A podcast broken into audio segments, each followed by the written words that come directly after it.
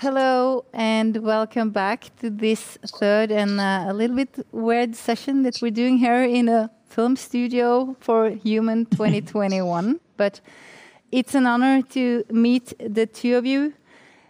Fironesh, I would like to start with you. Uh, congratulations with your win at IDFA last year. I mean, IDFA for uh, documentary filmmakers is uh, the biggest thing that happens uh, in the year uh, in Europe. So um, that was a great start. I'm curious to know what this means for you, but I would like to start at another point. I've been asking some other directors here earlier today, like, where did your film start? Uh, what came first, your character or your theme? But for your film, it seems like the film starts at some point before you were even born. So then my question would be, when did you decide to make this film? What can you remember this this moment when you said, uh, "This is the film I'm going to make"? Yeah, this is a film that I wanted to make it uh, from a long time. I thought um, I was waiting for myself to have. Uh, to get uh, enough courage and uh, confidence to make it. So um, I knew that it's a very, it would be a very difficult film. And uh, finally, four or five years ago, I began to enter to this long and tough journey. And um, um Victor Kossakovsky? Yeah. I would, yeah, this question about the character or the theme of this film. Uh, when did you meet Gunda for the very first time? And when did you decide that she was going to be the main character of your film? I, I believe she decided it because we, we were planning to make long research and uh, a Norwegian scientist said to us, "Oh, there is a beautiful person, Gry, and she has fantastic farm.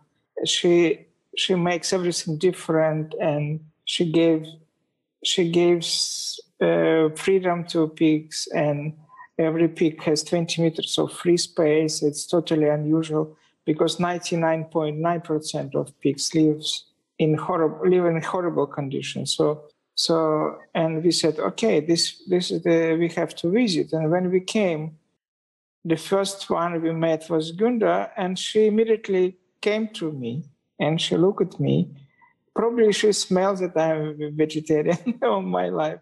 So she immediately considered me like a friend, probably.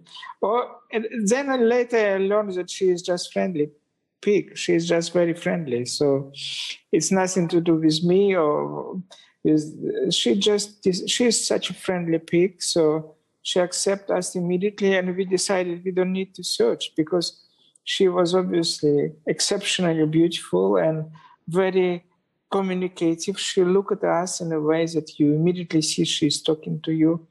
So we were immediately happy. And I said to Anita, we have Meryl Streep. We don't need to search more. So it was just uh, easy. It was easiest film actually, easiest to do, easiest to edit, most beautiful to film. It just and happy people. I I really. By the way, I need to say something. Can I? Um, I want to congratulate all Norwegian films, filmmakers because the amount of great films you did this year is amazing. It's just uh, unbelievable. In in Academy, so many Norwegian films, and actually, I personally vote even for for more films. Unfortunately, didn't go through, but the short list. But I I I, I know that you have more good films thank you for this. It's great, and it's congratulations, guys. Good luck. Thank you, and I mean that's uh, that's an interesting um, it's an interesting question I would like to ask you because you are both international filmmakers, and you decided to work with Norwegian producers. So I mean, Antipode Film, would you like to tell us how you met uh, with Bård and Fabian? Because uh, uh, and how long has this collaboration been going on, and why did you choose to work with uh, Norwegian producers? Yeah, um, it was a very interesting story because unexpectedly I met uh, Fabian in Tehran uh, during a documentary film festival in Tehran. He attended with a film uh, made by both of them, uh, Fabian and Bård. And uh, then he said that he he founded a company, Antipode company, together with uh, Bård.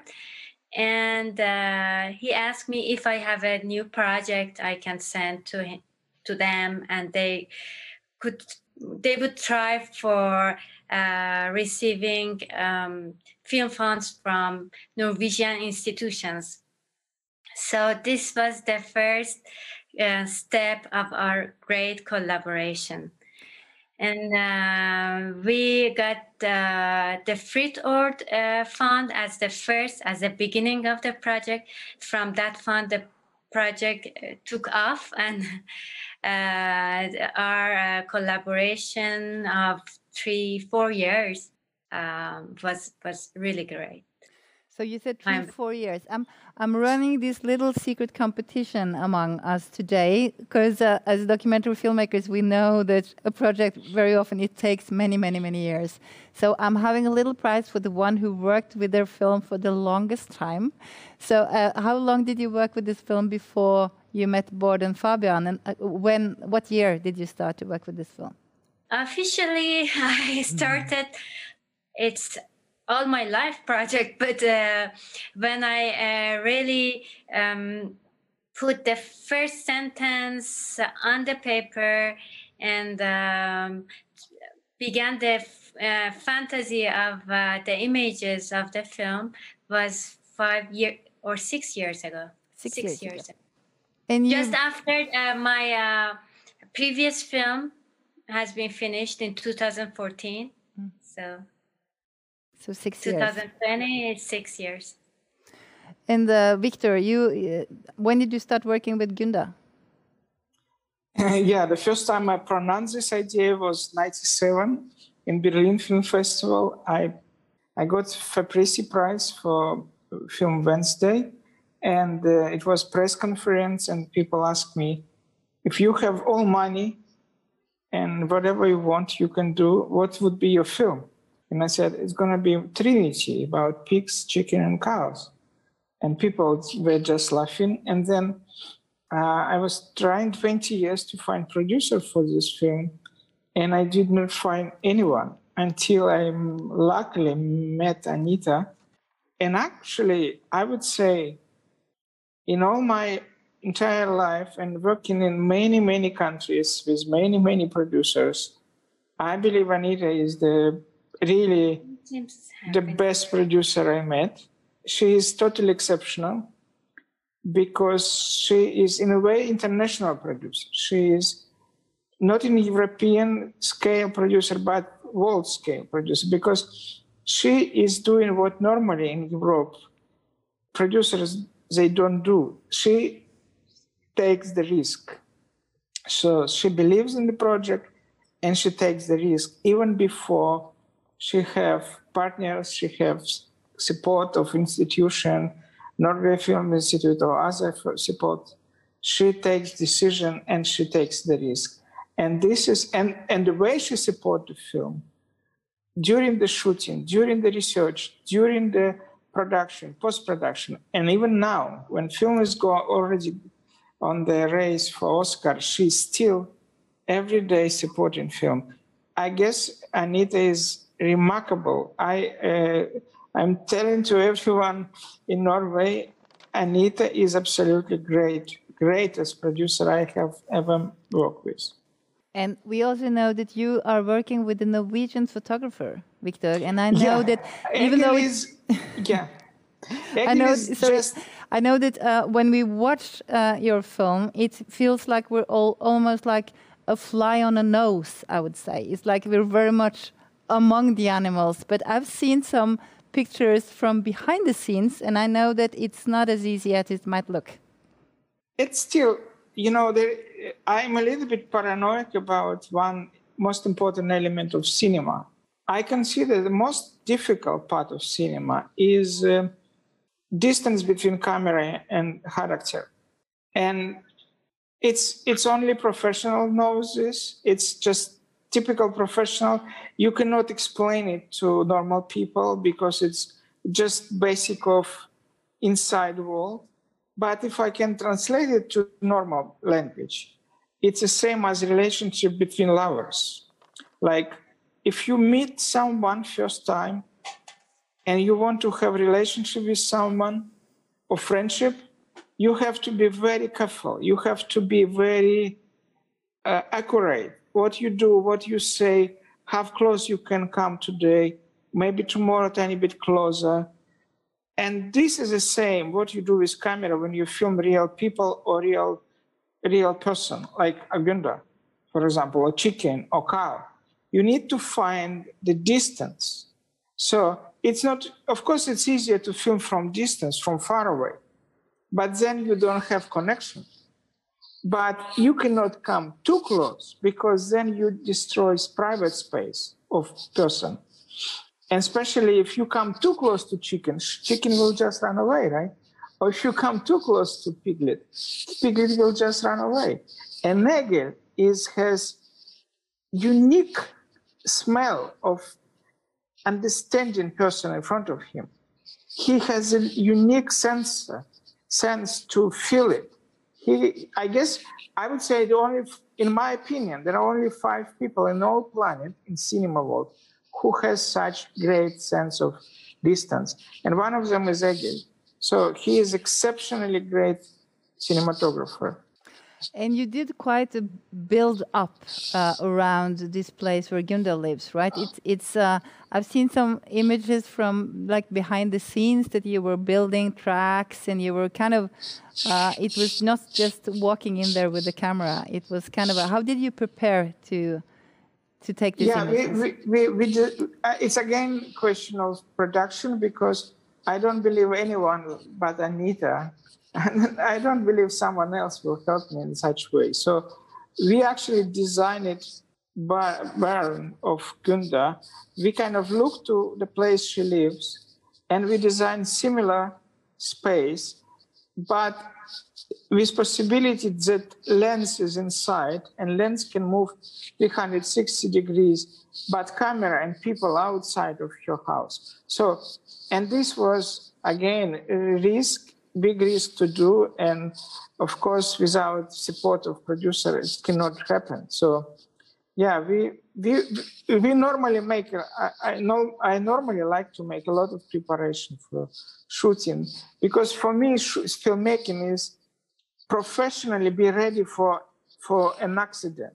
So life actually is contain accidents. This is what is best in documentary. You can imagine whatever. You can create story, whatever in your mind. But the best in documentary is an accident. What something which is you never predict. And you have to be ready and you have to know what to do with camera, have to move camera. So you have to be ready for any kind of accident. And this is why I, I, I believe Norwegian team was great, and I actually, I my dream is to make another movie with Anita and with Egil. But Figorsha, you you have a, a, little different approach to your visuals in your film, but you also have a very, I would I would guess, uh, long collaboration with your photographer. Can you tell us a little bit about that process? How you choose to take this uh, radiographic like image of your uh, the living room? Is it your actual living room, your house, or did you make it, or did you draw it, or how do you start working with those images? Um, no, mm, the home seems ha have been designed for a long time before shooting, and it's um, it's not at our uh, real home. It's in a very long and large space that I wanted to have a, uh, unique living room that it's um, the camera, the uh, telecamera could uh, track it as the as the radiography machine and scan the house inside the house, the life of the house. So um, we have um, already designed and um, let's say uh, we have staged everything um, very meticulously. Every single object in the house has its meaning, its uh, uh, significant, and uh, its sense. So um, we wanted to um, make a sense by the direction of the camera uh, that moves five times from the father's side, from the father's viewpoint, or from father's lifestyle, and five times, which which is um, after revolution, from mother's part, from mother's um, corner. So um, it was a really staged um, cinematography because it was everything um, really um, mathematically calculated and designed. And do you remember what was the first picture that you took for this film? Um, a big part of this film uh, is um, with uh, pictures and archi- archival footages. So the first Im- images I collected were the uh, pictures from family albums from the photos.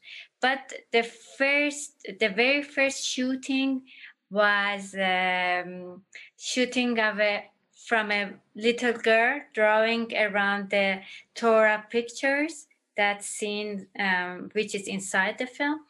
And it has been um, shot in this room in the exactly in this room as a, a test as a, a, shooting research.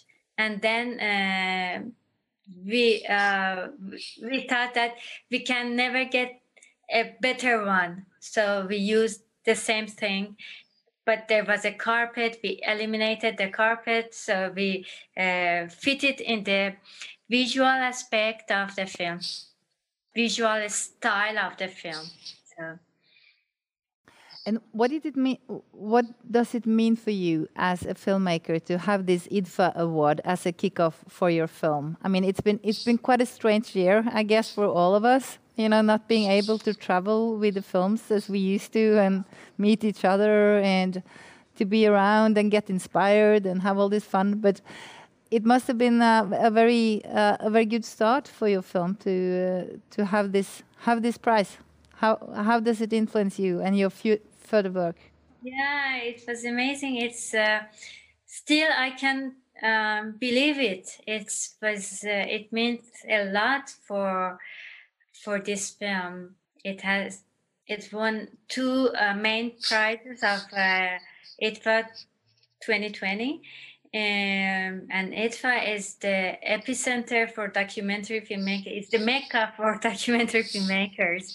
So uh, it's the honor of our film. And Victor, we also we have to tell that uh, your film brought the all the Norwegian documentary community feel that this is an honor for all of us. But your film is actually shortlisted for the Oscars.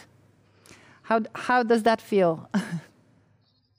Uh, let's see. We have, we still have ten days before we. But I'm telling you again, you have so many good films. I will not regret if uh, I'm competing with another film from Norway, and I will not regret if another film will go through to nomination because all films are very great. And uh, really, I, and fiction film and and no, you just have fantastic this year, fantastic, and and I'm I'm very happy for our, for our colleague because uh, IDFA is really, especially she got two main prizes in IDFA this uh, and it's of course it's a big start because uh, it happened to me in '93. I, I won a main prize of IDFA and public prize of IDFA, and then it was two years of celebration of the film. Belovs, the Belovs was traveling two years around the world and collecting dozens of prizes. So it was really, uh, it, it was really Mecca for, that's why this Gunda film actually dedicated to Ally Derks, who created IDFA. So, and, and I want to again say, uh, I don't know how to express it to gratitude to Gry, who the owner of the farm, because without her exceptional relationship with nature, with animals, this film will never happen because the, the, the atmosphere she created on her farm and the relationship she has with Gunda and with other animals, this was the key point. Uh, and the fact that she made this absolutely unique uh, farm, this is why film exists. So, so it means without Norwegian producer, without Norwegian cameraman, without Norwegian uh, farmer, my film will never happen. Thank you very much. And without Norwegian Film Institute as well. So thank you, thank you very much. And Audit, you you're planning on continue to work with the Norwegian producers, or I mean, we have to round up here, but I would like to hear if you can say a little bit I, of I next step, your next film. I definitely, I definitely, there is no question for me. Uh, no question. I definitely want to work with Norwegian team, in Norwegian with Anita and with Sant & Usant, definitely, and with Egil as well. And you have a new? Do you have a new idea? Do you have a new project in development? Yeah, I have few ideas. I, I have few ideas, and I hope one of them or two of them will be suitable for Sant & Usant and for Egil. I definitely want to do it. Good. And Firouzeh, would you like to tell us? Do you do you have a new project coming up that you could share a little bit about? Uh, yes, but first I want to say uh, the same for me. I would love to again work with Norwegians to produce my next film, hopefully again in Norway. In Norway, I had very good experience. It's uh, really um, I could never make this film without Norwegian institutions' help and my great producers. Fabian and Bård. They really um, support supported me in every sense. And uh, yeah, I have a new idea, but it's very it's at its earliest stage. Uh, so I just know about more about the form of the film that I would love uh, to make again a film um, in between documentary and fiction, somewhere between uh, fact and fiction. And uh, so I like a, um, a lot ex- this experiment. Um, I I know that it's uh, difficult to make a to try to make a different genre for uh, a new structure, but this is very interesting and challenging for me. So uh, now I'm more thinking about the form of how I can implement my subject in a innovative and uh, yeah innovative form. Can I can I say something? Yes.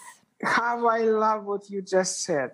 How I love that someone is talking about form, innovative, innovative form, about structure.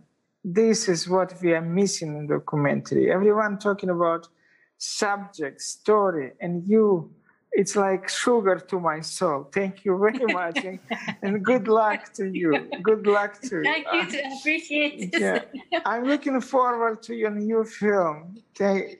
Yeah. Thank you. And so are we. We have to close down this from here. I'm sorry we couldn't uh, have you here together, but I wish you all the best with your films uh, on behalf of the Human Festival. Thank you for joining.